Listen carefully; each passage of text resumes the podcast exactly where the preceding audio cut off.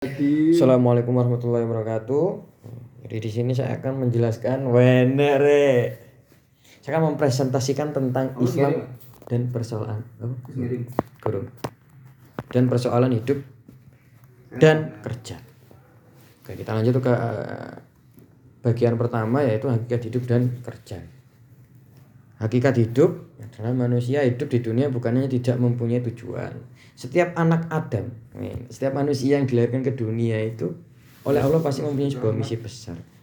Misi tersebut ialah beribadah kepada Allah Subhanahu wa taala. Beribadahnya dengan cara yang banyak. Ada yang beribadah dengan bekerja, ada yang beribadah dengan sholat, sholawat dan sebagainya. Itu semua termasuk kepada dalam ibadah ketika kita mengatakan bahwa eh, amal itu ada lillahi taala. Seperti itu.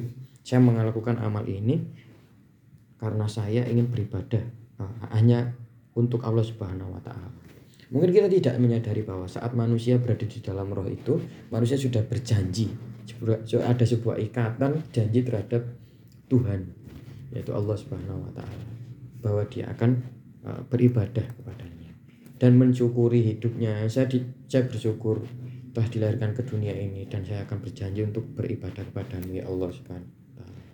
Oke, kita lanjut kepada eh, hakikat kerja ya. Ini hakikat bekerja itu apa ya? Hakikat bekerja itu eh, ya bekerja itu kan sudah tidak menjadi eh, sudah menjadi bagian yang tidak terpisahkan dari kehidupan kita. Bekerja atau beramal.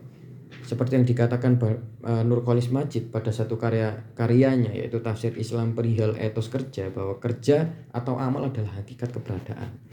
Mood of existence manusia. Jadi hakikat manusia yang ada di dalam manusia itu ada ketika ia bekerja dan beramal. Artinya oke, seperti itu. Malam kita akan lanjut dengan bekerja orang-orang akan mengetahui siapa dirinya. Apakah seorang itu pedagang ataukah nelayan ataukah pengajar. Seperti yang dijelaskan pada firman Allah pada Quran surat At-Taubah ayat 105 105 apa? Yaitu Wakul wakul i'malu fasayaronallaha fasayarallah 65 turun turun puluh Fajarallah amalukum wa rasulahu wal mu'minu Bekerjalah kamu maka Allah dan Rasulnya serta orang-orang mukmin akan melihat pekerjaan itu. Wa saturadduna ila alimil ghaibi wa syahadati fayunabbi'ukum bima kuntum ta'malun. Selanjutnya dan kamu akan dikembalikan kepada Allah yang mengetahui akan yang goib dan yang nyata. Lalu diberitahukannya kepada kamu apa yang telah kamu kerjakan di dunia. Gitu. Oke, kita lanjut ke pembahasan selanjutnya ya. Jadi seperti yang kita tahu tadi di tafsir ayat mari. di tafsir ayatnya wa malu fasayarunallaha amalukum wa rasulahu wal mu'minun. Jadi ketika kamu melakukan sesuatu itu maka Allah akan mengetahuinya. Rasulullah itu akan mengetahuinya. Umat-umat mukmin itu akan mengetahuinya sehingga mereka akan menjadi saksimu nanti ketika kamu dipanggil oleh Allah Subhanahu wa taala dan ditanyai apa yang kamu lakukan di dunia ini. Jadi amal amal itu amal itu bekerja, bekerja juga amal ya. Arti dalam arti dalam amal dalam bahasa Arab itu ada yang bekerja amal, ada yang beramal ya. Beramal itu kan serapan dari bahasa Arab ya kan. Kita lanjutkan kepada pembahasan selanjutnya. Itu rahmat Allah Subhanahu wa taala terhadap umatnya yang rajin bekerja. Apa sih rahmat Allah yang diberikan ketika kita menjadi umat yang rajin bekerja yang lillahi taala? Rahmat Allah terhadap orang yang bekerja adalah memudahkan pekerjaan orang tersebut. Allah Subhanahu wa taala akan memudahkan pekerjaan yang kalian lakukan ketika itu tujuannya hanya untuk Allah Subhanahu wa taala. Melimpahkan rezeki kepadanya dan memberikan kesuksesan terhadap orang-orang orang tersebut. Ya. Rezeki ini dibagi, eh, akan menjadi dua hal. Yang pertama itu adalah eh, rezeki atau sebuah kebahagiaan, tapi yang kedua adalah menjadi sebuah ujian. Ujian apa? Ketika kamu dikasih uang, uang itu kamu gunakan untuk apa? Entah itu atau ataukah itu kamu lakukan eh kamu gunakan untuk kembali beramal kepada orang-orang yang kurang mampu atau kamu gunakan foya-foya. Itu akan menjadi ujian seperti itu. Ketika ingin menggapai sesuatu sesuatu atau bekerja, pastikan kita memiliki tiga sikap. Yaitu, per- yaitu yang pertama optimis. Optimis adalah semangat, percaya diri dan selalu berprasangka baik bahwasanya Allah Subhanahu wa taala akan selalu memberikan yang terbaik untuk kita. Gitu. Lalu yang kedua adalah ikhtiar. Ikhtiar adalah berusaha bersungguh-sungguh. Kalau kita optimis toh aku bakal jadi orang kaya, aku akan menjadi orang kaya, tapi kita tidak ada ikhtiar, tidak ada eh, gerakan untuk menggedor pintu kesuksesan, maka kita tidak akan mendapatkan kesuksesan itu. Gitu. Yaitu setelah berdoa, berusaha, ya kan? Lalu yang ketiga adalah tawakal. Ketika kita sudah berdoa, sudah bekerja, sudah uh, berikhtiar, maka sisanya kita hanya serahkan kepada Allah Subhanahu wa taala. Hmm, ya, kalau kita sudah sudah bekerja, sudah berdoa tapi kok belum kaya-kaya, berarti itu, itu memang bukan belum saatnya. Tapi jangan menyerah, kita harus optimis terus. Seperti itu ya. Lalu Adapun jika kita hanya berdoa dan tanpa ikhtiar, apa yang ingin kita gapai tidaklah tercapai. Itu.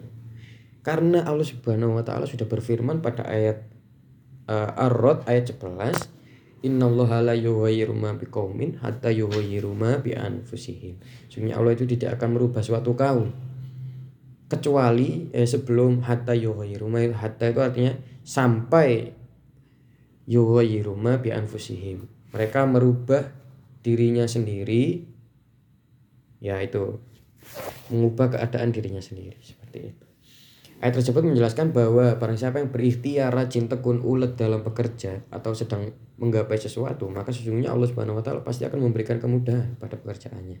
Tapi kalau dia mengharapkan sebuah perubahan tanpa adanya ikhtiar ya percuma gitu ya. Lalu kita akan lanjut kepada akhlak dalam bekerja. Jadi di akhlak dalam bekerja ini ada dua hal sebenarnya. Yang pertama adalah muamalah atau hal yang kita lakukan kepada teman sekerja. Yaitu kita harus menjadi orang yang bisa bekerja sama tim. Lalu kita harus menjadi orang yang terbuka mengenai perusahaan tempat bekerja. Jadi kita tidak boleh ketika ada orang bertanya mas iki opo? Ini bagaimana? Kita tidak mem, kita tidak mau membantu kita tertutup dengan orang itu. Kita, kita itu tidak boleh ya.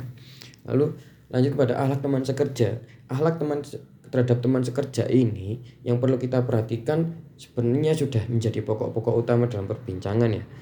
Kayak contohnya kita harus menjadi orang yang sopan, kita harus menjadi orang yang uh, tidak ngerasani, terus menjadi orang yang baik dan tidak sombong ketika kita berinteraksi dengan orang lain seperti itu ya. Tapi ada satu hal lagi yang mungkin ini menjadi sebuah titik berat manusia yaitu iri dan dengki. Ketika kita bekerja itu kan jelas ada iri dan dengkinya. Wah ini kok bayaran lebih gede? Kenapa orang ini tuh gajinya lebih tinggi daripada saya? Sedangkan saya itu bekerja ini keras. Kenapa dia gajinya lebih tinggi? Gitu. Jadi tidak boleh karena semua itu ada masanya.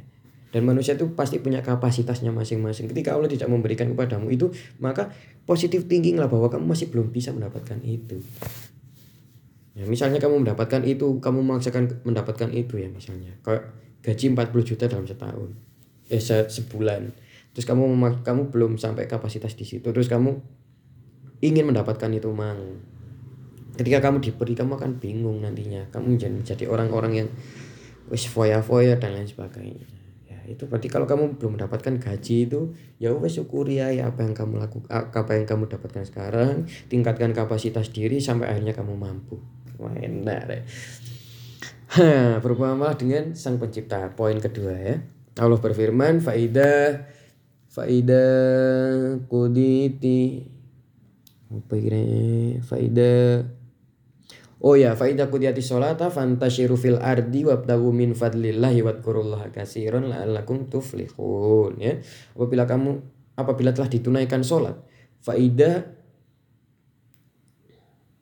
Faida kudiyati sholat. Apabila kamu sudah menunaikan sholat, maka berte, bertebaranlah kamu di muka bumi dan carilah karunia Allah dan ingatlah Allah banyak banyak supaya kamu beruntung.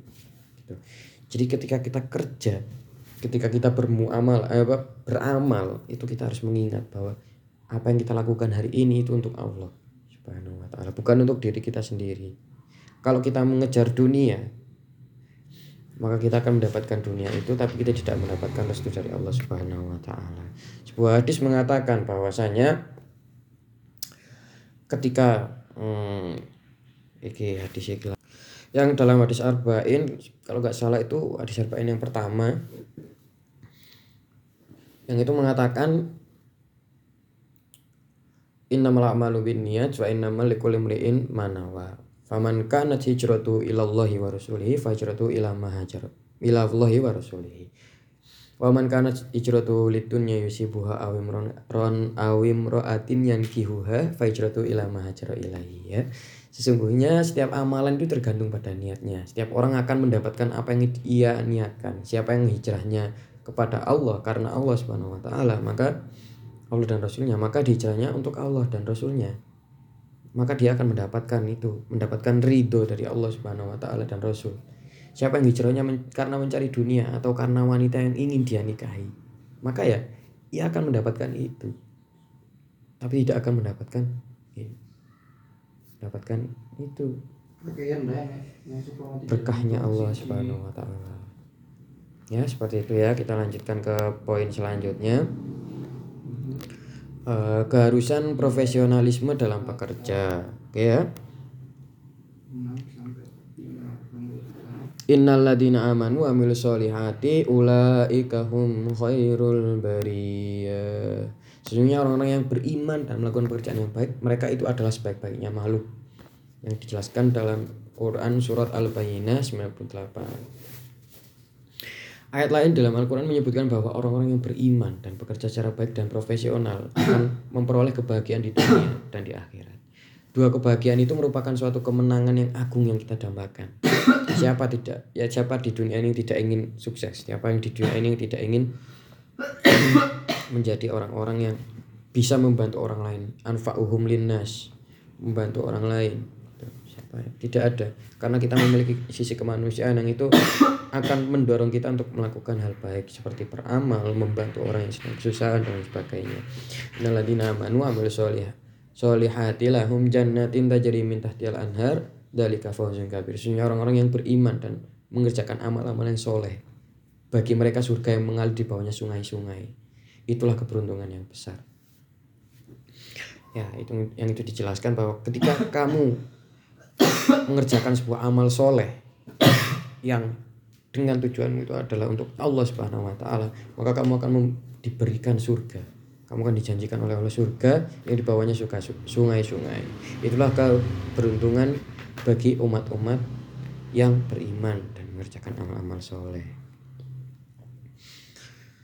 Profesionalisme ini sangat sangat penting bagi umat muslim ketika kita bekerja.